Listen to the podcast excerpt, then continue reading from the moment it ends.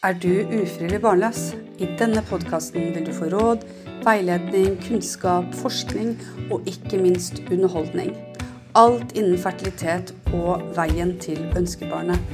Fra et terapeutisk perspektiv av meg, Tone Bråten, terapeut, veileder og forfatter og gründer av Fertilitetshjelpen. Og også fra et medisinsk perspektiv ved hjelp av gjesteekspert Jon Hausken fra Klinikk Hausken. Og ikke minst blir det episoder med høyaktuelle gjester. Velkommen til din nye podkast å lytte til.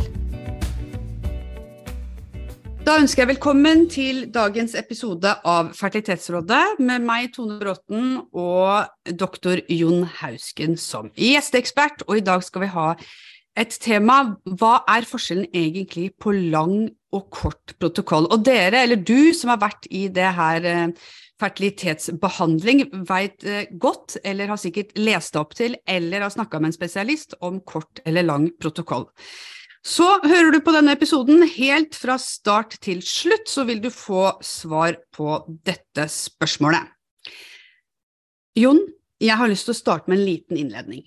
Fordi at jeg har jo vært gjennom fertilitetsbehandling, eh, og jeg hadde lang protokoll. Jeg begynte på noe nesespray, husker jeg. Fikk jeg veldig vondt i huet.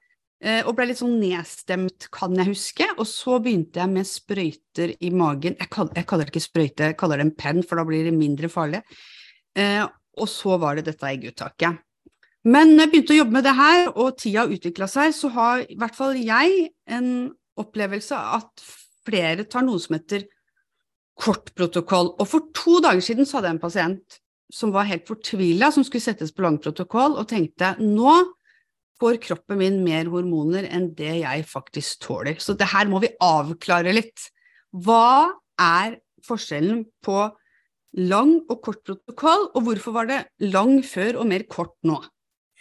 Ja, og dette er faktisk veldig interessant. og Jeg tror også det er veldig mange som lurer på hva er egentlig forskjellen. Og dette med hormoner og ikke-hormoner, for mye hormoner Her er det veldig mye som blir sagt ute på nettet som mm. egentlig ikke er sant i det hele tatt. Fordi folk lager sine egne greier ut av det. Mm. Men det er mange veier til rom, og det første jeg har lyst til å påpeke, er at resultatene med kort og lang protokoll er helt identiske. Sånn at jeg ikke vær redd for liksom at jeg, Oi, fikk du kort, jeg fikk lang, og så liksom tror du kanskje hun fikk bedre enn meg. Mm. Det slapp helt av på det. Det er like gode resultater. Kan jeg komme med et spørsmål da? Fordi noen jeg snakker med som, er, eh, som får ut få egg, sier at jo, de skal nå, nå har de prøvd kort, og så nå skal de ta lang for å se om de får flere egg. Så det er ikke sant, da? Når jeg sier noe, så er det alltid En kan alltid modifisere, og jeg hadde tenkt å komme til det. Oh, ja, okay. ja. Men, mm. Eh, men, sånn i utgangspunktet for hvermannsen, eh, som skal ha et standard eh, IVF-løp, eh, mm. så ikke, ikke vær bekymra for om du tar lang eller kort. Men, men, hva er forskjellene? Og så kan vi komme inn på hvilke grupper er det på en måte som kan ha en fordel av det ene eller det andre. Mm. Ikke sant? Mm. Og så til slutt, hvis vi får tid, mm. så kan vi godt snakke litt om dette med hormoner, at der er det mye misforståelser ute og går. Jeg tror jeg skal ta litt fra pasientperspektivet der også, det her med hormoner, hvordan man føler seg. Men eh, ok, jeg tok IVF for 15 år siden. Da tok jeg lang protokoll. Hvorfor tok ikke jeg kort da? Var det ikke funnet opp, liksom? Nei, det er riktig. Det, det var ikke funnet opp. fordi at eh, det som, det som, vi Nå skal vi prøve å lage det enkelt. Ja. Det vi må huske på, det at eh, når vi stimulerer, hva er det vi er ute etter? Jo, det er at vi skal få flere egg. Mm, mm. Fordi at eh, jo flere egg, jo lettere er det å finne noen gode, og jo lettere er det å lage en graviditet. Så det henger nøye sammen. Mm. Du kan se at en lineær kurve på resultatene i forhold til antall egg som blir henta ut. Men så er det jo sånn at det, eh, ved en i en naturlig prosess så er det jo sånn at det starter og dette har vi snakket om før, mm. det starter alltid en gjeng med forlikler, altså eggposer, mm. som prøver å nå eggløsning. Og så har kroppen laget et system hvor kroppen plukker en av de til eggløsning. Men vi ønsker jo flere. Mm. Så derfor når vi da stimulerer, så må vi passe på at ikke vi får så mange forlikler at det trigger av en eggløsning, en prosess før vi egentlig er klar, og dermed så får vi på en måte heller ikke timingen med slimhinnen. Så derfor måtte vi ha en viss kontroll på det. Mm. Og da var det først dette med lang protokoll, fordi vi hadde tidlig dette her med noe som heter GNRH. Mm. Det er altså fra hypotalamus så kommer det en, en, et, et molekyl som på en måte stimulerer hypofysen til å frigir FSH, som da på en måte vandrer ned og stimulerer eggstokken. Mm så hadde vi dette her med at dette molekylet kan vi bremse. Og det betyr at da stopper vi kroppens egen involvering. Og da kunne jeg styre alt fra utsiden, og dermed slapp vi dette her med for tidlig eggløsning og påvirkning av slimhinnen. Mm. Fordi vi kunne gi et medikament som gjorde at vi bremser kroppen. Mm. Og da har vi kontroll fra utsiden. Ja. Og da funker det. Ja. Og det er den nesesprayen. fordi den nesesprayen kan en òg ta som injeksjoner. Og den har vi hatt i 40-50 år. Såpass, så den har vi brukt mye på endometriosepasienter. Ja. ja. Hvorfor det? Jo, fordi hvis vi stopper forlikkelveksten, så blir det jo ikke noe østrogenproduksjon. Uten østrogen så dør jo endometriosen hen. Så det er jo behandlingen av endometriose å bruke GNR og agonister for dette. Betyr det at de som har endometriose som kommer i overgangsalderen, så blir det bedre? Å ja, ingen har endometriose når de er 60 år. Det, det er jo... Så, det, så det, det, er håp for de som stakkars. Ja. Nå var jeg frekk. Ja, men, eh, det, ja. det, å, altså De som har så store smerter, tenker jeg at de vet at der fremme så er det et smertefritt liv. Men jeg tenker, fordi det jeg fikk vite når jeg tok, det var at ok, nå får du nesesprayen. Du vil komme hjem på en måte en sånn fake overgangsalder, men så booster på med sprøyter. Det, var det sånn? Eh, sa de det? Ja. ja. men det er jo sant. Men liksom, det hørtes så veldig liksom sånn Nå skal du huske på, for det så booster man, så er du tilbake igjen. Det var sånn veldig positivt mm. lada. Mm. Ok, men i alle fall. Når du først bruker denne GNR-agonisten, mm. som det heter, mm -hmm. den blokkerer altså sånn at du ikke stimulerer sånn at du får dette FSH output fra hypofysen. Mm. Da blir du satt i overgangsalderen. Ja. Fordi at det, da er det jo ingen forlikelvekst, og det er jo det som skjer når du er 50 år. Mm. Altså, det er ingen egg, eggposer som vokser lenger, mm. og dermed så har du ingen østrogenproduksjon, og dermed så er du i overgangsalderen. Ja. Så ja, med å bruke disse medikamentene så setter vi deg i en overgangsalderssituasjon. Mm. Men det er jo en kort fase, da. En uke, på en måte. Tenk på de som er 50, de er jo der hele tiden. Ja, men så... det pasientene kan være redd for, det er jo hvilken Altså, kan dette ha noen følger på noen måte? Det å bli satt i fake overgangsalder en uke? Nei. Altså, En uke er som et myggstikk på en elefant. Ja, okay. Så det, det, er ingenting. Men det er klart at det, du kan kjenne litt på det. Men ofte er det med medisiner så er det sånn at når du går inn i noe frivillig, og du har et håp om at dette skal på en måte føre frem til da, det som du ønsker, det er jo barn, mm. så tåler du veldig mye. Mm. Så det er først når du har hatt en runde og to og tre og helt håpløst fem-seks runder med IVF, da kjenner du òg hormonene. Ja. Sant? Ja. For det, alt det negative forsterkes. Men første gangen så står du veldig godt i det, egentlig. Ja. For du har jo gått frivillig inn i det, og da tåler du alltid veldig mye mer. Men ja, du blir litt skjør med hormonene på det. Så starter vi jo da fra utsiden med denne FSH-stimuleringen. Mm. Altså når jeg tatt ned FSH i kroppen, sånn at ingenting skjer, og så holder jeg de der, og så setter jeg disse uh, hendene, disse nålestikkene, med FSH fra utsiden. Mm. Og dermed har jeg kontroll på deg, samtidig som jeg kan jevnlig stimulere eggstokken. Så jeg har liksom tatt eierskap til eggstokken på ja, ja. og har full kontroll. Og det gir gode resultater, det.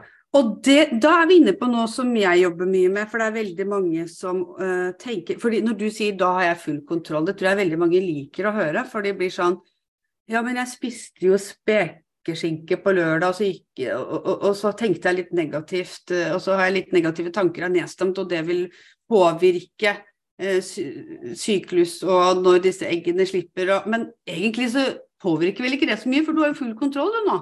Jeg har full kontroll, så det påvirker i det hele tatt. Sånn så tanker, alle, følelser kan ikke ødelegge det her? Nei, alle de negative tankene der og bekymringene, de må en, en, åpne en, en, skuff og legge de oppi der og lukke igjen. Fordi at du påvirker ikke det. Og det syns jeg er så viktig å si nå. Tanker og følelser påvirker ikke det her. Nei. Nei. Så er det da Hva er da portprotokoll? Fordi mm.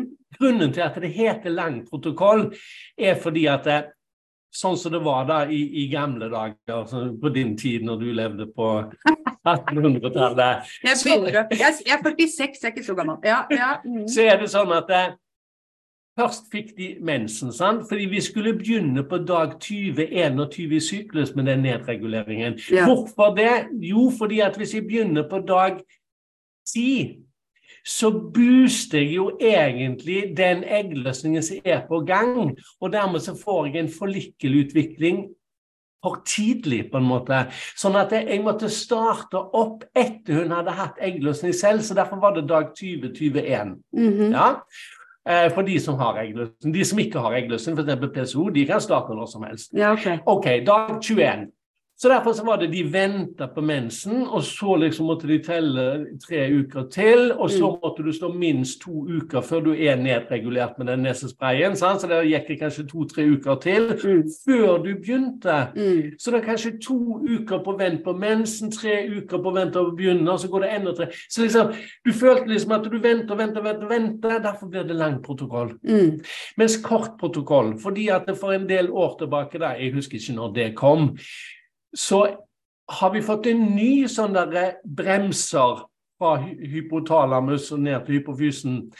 Og den heter antagonist. Mm. Og hva er forskjellen på det? Jo, altså den, den, gamle var en agonist. Agonist betyr egentlig at den Hvordan skal vi si dette enkelt? Um, du har en reseptor. Sant? Så kommer det på en måte et molekyl og setter seg på den. Og da kan den enten utløse en effekt, eller den kan stoppe en effekt. Mm. Og den nye medisinen som kom, som heter antagonist, den satte seg på reseptor og stoppet det med en gang. Så du mm. trengte ikke to-tre uker med nedregulering. Nei. Jeg kunne forklart litt mye om det òg, men det lar vi ligge. Mm. så derfor så var det sånn at å ja, men da kan vi jo på en måte bare bruke naturlig syklus. Da, så stimulerer vi, og når det blir for mye forlikler, på en måte, så bare Jager jeg på med en antagonist, så har jeg jo kontrollen allikevel. Mm. Og dermed så blir jo det kort, fordi at eh, når du får mensen Å ja, det er, det er i morgen, det, på en måte. Ja, da starter du. Så det blir veldig kort. Ja. Oi sann, jeg er i gang! Kjempegreier. Og da starter vi altså på første mensdag, mm. og så tillegger vi den der eh, antagonisten på sånn dag seks, syv, åtte, samme når egentlig, i forhold til forlikelsesstørrelse. Og da har jeg kontrollen allikevel. For vi, vi, må ha en viss kontroll på kroppen mm. for å få det rette vinduet for implantasjon. Mm. Men resultatene er, er de samme. Og da kan jeg ta fordeler og ulemper med de, men nå vil du si noe, kanskje? Ja, for at jeg, jeg altså jeg må jo svare de her pasientene sant, som sitter der. Si at det er ei eh, rundt 40 da, eh, som har lite egg, og så har hun fått vite at eh, hun skal ta lang protokoll for å se om det vil være noe endring i forhold til eh, å få flere egg. Hva tenker du da? Jeg tenker at hvis de har veldig få egg, så er lang protokoll too much. Ja. ja. Sånn at jeg velger med de som har få egg, egentlig. Inseminering? Ja, det kanskje òg Det snakket vi om når vi hadde besøk av Åge. Ja, så kan det faktisk ja. være en fornuftig greie. Mm. Fordi at de kommer med så få egg likevel. Da kan vi egentlig gi en litt sånn lav, lavere stimulering, og egentlig bare enten inseminering eller faktisk òg ha samleie hjemme hvis man har mm. normal sædkvalitet. Ja. Men det var nå et annet tema, da. Ja. Eh, nå er det sånn at eh, fordi det å nedregulere, mm. det, det kan være for mye. Altså, Det er akkurat siste dråpen som gjør at det kommer ingenting. på en mm. måte, fordi at du, du, du, du gjør jo en depresjon av eggstokkene. Ja. Og så skal du prøve å starte de opp igjen. Og hvis det egentlig var veldig lite glød i de fra før, ja. så er det nok til at du på en måte struper det. Så, så hvis de har veldig dårlig med egg, så er ikke lang protokoll noe. Men hva er fordelen med lang protokoll, da? Ja. Altså, Vi bruker det nesten ikke i det hele tatt. Eh, men jeg bruker det òg innimellom. Ja. Eh, når tenker vi lang protokoll kan være bra? Jo, kanskje på endometriosepasientene. Mm -hmm. For hva var det vi sa med den der lange protokollen så satt jeg i en overgangsalder? Hvorfor er du i en overgangsalder? Jo, for østrogenene er så lave. Østrogen er jo bensin til endometriosen. Og tar du vekk bensinen fra bilen, så stopper jo den. Ja, ja, ja. Så du får jo på en måte bremsa endometrioseaktiviteten. Og hvis du tror at endometriose For det er mange grunner til at endometriose, endometriose ja. eh, kan lage eh, fertilitetsproblemer, men en del av det er jo denne betennelsen som foregår. Ja, ja. Så hvis jeg stopper betennelsen, og den er egentlig negativ, er ikke det da positivt? Mm. Så jo, lang protokoll kan faktisk være en løsning for uh, for endometrosepasientene. Ja. Men det er ikke så ofte du bruker det? Nei, fordi at du, det som er litt eh, Er jo at det står jo ikke i pannen alltid på, på, på, kvinnene på en måte hva som vil egentlig føre enklest og best frem. Så du kan ha en endometrosepasient, og så kjører du en kortprotokoll, og så er de gravid på 1, 2, 3. Mm -hmm. Så du vet jo aldri det. Nei. Du vet ikke det før du får sett embryokvaliteten. Og så har du kanskje gode, og så fester det seg ikke. Da begynner du å lure på sånn, det er kanskje endometrosen som gjør at det ikke fester seg godt. på en måte. Så, så det, det blir blir ikke en prøving og feiling. Nei. fordi Vi prøver jo å få alle ballene i, i samme kurven med en gang. Mm. fordi at Det er jo ikke sånn at liksom, nå prøver vi og så ser vi hvordan det går. Nei, vi prøver å gjøre det så godt som vi kan. Men av og til så er det nyanser som vi da på en måte kanskje må justere. og Da er det sånn at det, ultralang nedregulering, altså lang, lang protokoll, men mm. bare veldig lang. Mm. Eh, det betyr at du står på nesesprayen kanskje åtte-ti uker. Mm for å dempe endometroseaktiviteten over tid. Hva kan det gjøre med det humøret ditt, da? Det eh, blir satt i overgangsalderen, så blir du jo på en måte litt uh, ustabil ja. psykisk. Men det er jo greit å vite Men du, det. du blir sjelden lagt inn, da. Ja. Men uh, mannen kan nok få seg en liten uh, ja, Altså, det, det blir Du kan bli litt Litt nedstemt? Ja. Situasjonsbestemt nedstemt, det ordet liker jeg. Ja. Du veit at det er for en kort periode. Ja. Eh, men jeg har jo eh, pasienter som eh, Jeg hadde et par nå for en uke siden ca. Eh, eh, hvor de skulle i gang igjen med forsøk. da, Og eh, hun sier at ja, ja, nå veit du hvordan det blir hjemme. Sier jeg til han. Ja. Nå blir jeg et helvete å, å bo sammen med. Ja, så, han, så stemningen var lagt allerede? Allerede, det var bestemt da. og så sier hun at hun blir jo så sint.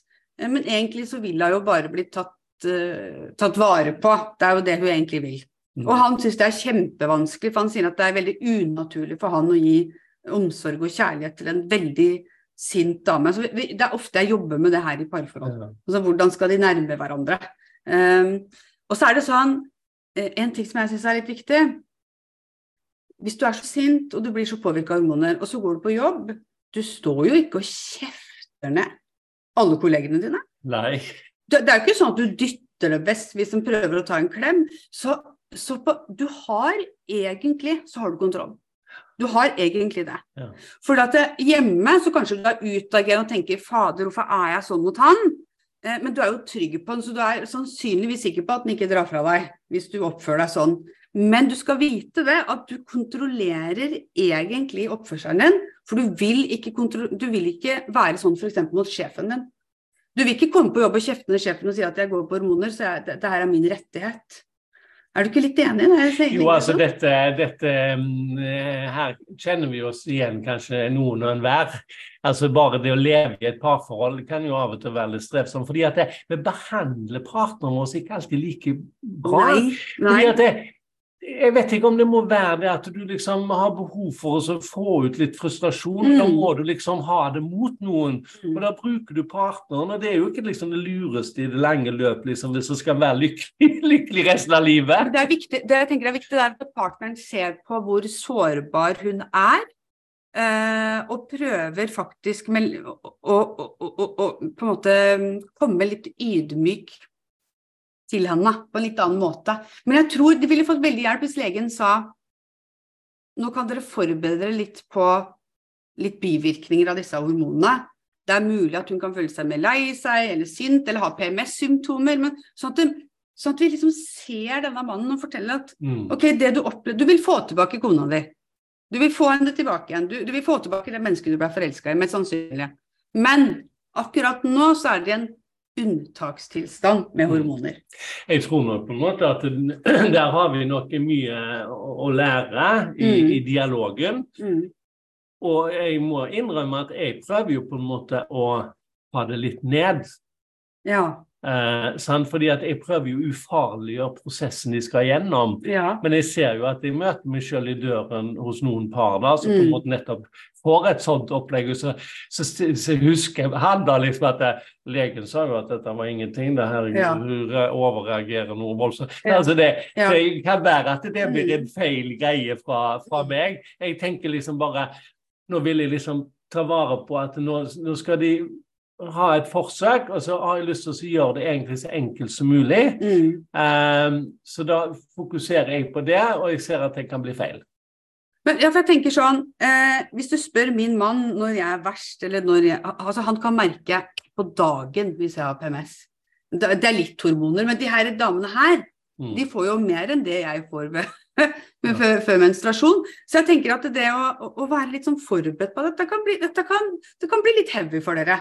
Men kunne vi ha spilt inn en, eh, en video om akkurat dette her, som på en måte lå på nettsidene våre? Som på en Mm. måte vi kunne, vet du hva, vi har lagd en, en, en Ja. greie, Ja. og der får du informasjon om det. Mm, ja. Fordi at da har du sagt det én gang, og så når du ut alle. Det var egentlig en veldig god idé. Det var, altså, her popper det opp med ideer for, til det beste for pasientene. Alltid. Men Men disse hormonene, er det da forskjell på den lange og korte protokollen i forhold til hva du skal forvente av eh, en hormonell dame hjemme?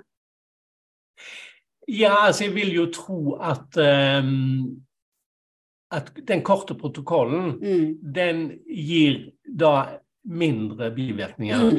Fordi egentlig så følger vi jo hennes syklus, men vi, vi, vi gir jo litt mer gass. Ja. Sånn at hun får mer østrogenproduksjon, så hun blir nok mer tens i hun òg. Men allikevel, det er kortere, og det er mer tilpasset en naturlig setting. Så ja, de har mindre bivirkninger enn de med lang protokoll. Og så er det jo dette at vi kan òg reagere. Det trenger ikke bare være hormonene du reagerer på, fordi at du snakker om å få vondt i hodet osv. Ja, Altså, ja. det er jo andre stoffer òg i disse medikamentene våre som på en Ja. måte du kan eh, enten bli litt kvalm av, eller på en måte få vondt i hodet, eller all slags symptomer, egentlig. Fordi kroppen det er jo noe fremmed, noe u, unaturlig, på en måte, som Nå du tilfører. kroppen i et modus. Ja, sånn at kroppen kan reagere på forskjellige ting. Så det er ikke bare hormoner som kan gi bivirkning. Men er det sånn er det viktig at du, er det medisiner du ikke skal stå på når du begynner med det her, som krasjer litt med medisinene som du gir? Det kan det være. Så det er alltid greit å få oppgitt på en måte hvis de bruker noe, så Ja. spør alltid etter det. Eh, Så, så og Av og til så bruker de medisiner som jeg nesten aldri har hørt om heller, så da må jeg gå og google og sjekke Ja. felleskatalogen. Ja. fordi at det er jo ikke et vandrende leksikon heller. Så, men i stort sett så kan det være greit å se at ikke det influerer. Ja. For jeg tenker jeg har jo hatt en del pasienter som har vært nedstemte eller deprimerte tidligere, eh, og som går på kanskje en liten dose antidepressiva, f.eks. Mm. Eh, og så får de beskjed om å slutte. Er det pga. Eh, sjansen for graviditet, eller er det pga. stimulering? Eh, det, først og fremst så er det med medikamenter at eh, vi er jo veldig redd for at dette skal liksom ha noe påvirkning på det, det, det begynnende liv. Ja. Sant? Altså Bruker de medisiner på en måte i starten av en graviditet, så er det nesten verre enn på en måte i slutten av en graviditet. Fordi at det, det er de første seks, åtte, ti ukene på en måte fosteret på en måte går fra en liten celleklump til faktisk bli et menneske. Mm. Så der, der skjer alt, og da skal det ikke mye til å påvirke det.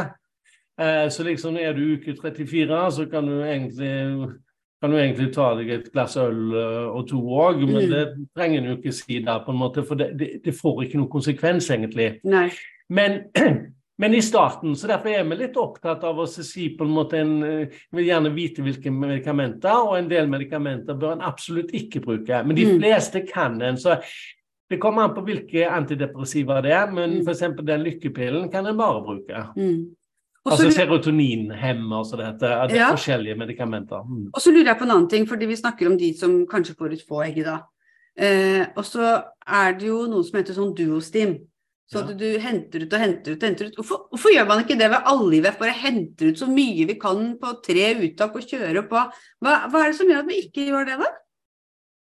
Ja, det er et godt spørsmål. Kanskje burde vi gjort det mer. Eh, Det er fordi at det, det blir liksom nesten dobbelt så dyrt òg, uh, uten at du på en måte øker sjansen så veldig mye. Så La oss si at du fikk liksom to egg på den første runden. og så, altså Duostim er sånn som dette. Når det gjelder dette å stimulere til forlikkelvekst, så kan en egentlig begynne når som helst. En kan mm. begynne dagen etter eggløsning, fire dager før eggløsning, to dager ut i syklus, to dager før syklus. Det spiller ingen rolle egentlig, fordi at forlikkelen reagerer på stimuli, stimuli uansett. i. Mm. Så da er det sånn at Når vi gjør duostim, så er det liksom kort protokoll. altså En starter for å ha et startpunkt. altså Starter på første mens. Og så kjører en i gang en stimulering, gjør et egguttak, og så venter vi et par dager. og Så starter vi stimulering på nytt igjen. Og da er teorien, og på en måte det som studien har vist, det er jo da at eh, den stimuleringen som du gjorde i første omgang, mm. den har òg dratt med seg noen forlikler på en måte som ikke kommer, så du allikevel har dratt opp i en startposisjon. Så når du da klemmer i gang igjen rett etter egguttak med ny stimulering, så får du de med deg. Oh, ja. Og dermed så får du i studier som er gjort, enda noen flere follikler som vokser, og flere egg. Så hvis du da får fire egg på den første, så får du kanskje seks på den andre. Mm. Og så hele stimuleringen til sammen, da, så har du plutselig ti egg. Mm. Og det er jo glimrende. Eh, så teorien er veldig bra.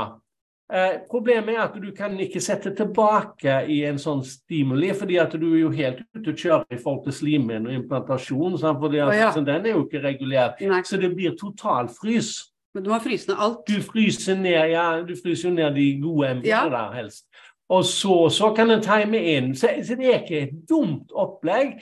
Grunnen til at vi ikke bruker det så mye, er jo fordi at eh, jeg er ofte sånn at når det kommer en ny idé, så er jeg fyr og flamme på den. Ja, men dette var smart! Ja, ja, ja. Og, og så, så, tenkte jeg så jeg, jeg gjorde mye duostim, men jeg brukte det kanskje på feil pasienter, for jeg brukte det på de som på en måte omtrent ikke har egg. Mm. Og da, du, du, klarer ikke å skvise mer ut av de, på en måte. Nei. Så egentlig så tror jeg at det er best for de som er halvdårlige. Altså, de er mm. fremdeles egentlig ganske bra, mm. men ikke sånn kjempebra heller. De vil ha god vekt. Ja. Så det er egentlig noe som vi burde bruke mer, men det koster jo nesten dobbelt så mye, da, for du gjør jo to IVF ja. i en måned. Ja. ja. Wow, to IVF i en måned? Ja, altså du starter jo Sant? Du bruker tolv dager på stimulering og egguttak, og så ja. begynner du med en gang igjen. Det er ca. ti-tolv dager, og så er det nytt egguttak. Så det blir jo to egguttak på en måned. Ja, det, blir jo, ja, det spørs jo hva man vil, da. Ja, Men det er jo de som driver med trippel og, og kvadri òg. Altså du stimulerer, henter ut, stimulerer, henter ut, stimulerer, henter ut, stimulerer, henter ut. Altså du bare holder på. Herfra til jul. Og, og, og, hvis man da fryser alt sammen, ja. så, så, må vi jo si da for noen er sånn Å, er det, er det, forskjell på Altså, jeg ble gravid på fersk, men nå skal jeg være frys, og det blir jeg ikke gravid på. Men det er jo en overskuddsrate på Er det 98% eller når du tiner opp igjen? Et, en I, all, I alle fall 95-96% ja. eh, Og da er det sånn at eh, Da er det sånn at eh, det er faktisk bedre resultater på frys. Det, Hørte du det, ja. lytter? Det er bedre resultater på frys. Ja. ja. Sånn at ikke vær lei deg fordi at det er en frysesykkel, for de gjør det bedre. Altså, ja. altså Vi har jo oppi 60% graviditetsrate på frys. Ja. Og en fersk, eh, litt avhengig av alder osv. osv. Sånn, er det at livmor får roa seg litt ned, ja, og så setter dem inn? Ja, du er i en mer naturlig setting. fordi Hvis vi kjører prøverør, mm. og så plutselig får du liksom veldig mange forlikler, og da produserer du altså x antall ganger mer østrogen. Og mm. østrogen er jo det som påvirker at slimene skal liksom forberede seg. Så du får jo en helt sånn skjør, eh, unaturlig setting. og det vil kunne, sammen med progesteron, men det kan bli et annet tema, mm. Eh, så får du et feil implantasjonsvindu, og så derfor så var det egentlig et godt embryo, men det festa seg ikke, fordi at det var jo helt ute å kjøre. Ja. Så derfor er det bedre på frys. Så derfor er det mange som hevder at det, vi skal gjøre total frys på de fleste. Stimulere, finne det beste embryoet, fryse det ned. Da er førstejobben gjort. Ok, vi har et godt embryo. La oss snu oss om. Hvordan kan vi skape et best miljø for implantasjon? Mm -hmm. Du todeler det. Mm. For jeg har embryoet, nå må jeg bare skape implantasjon, og mm. da går det.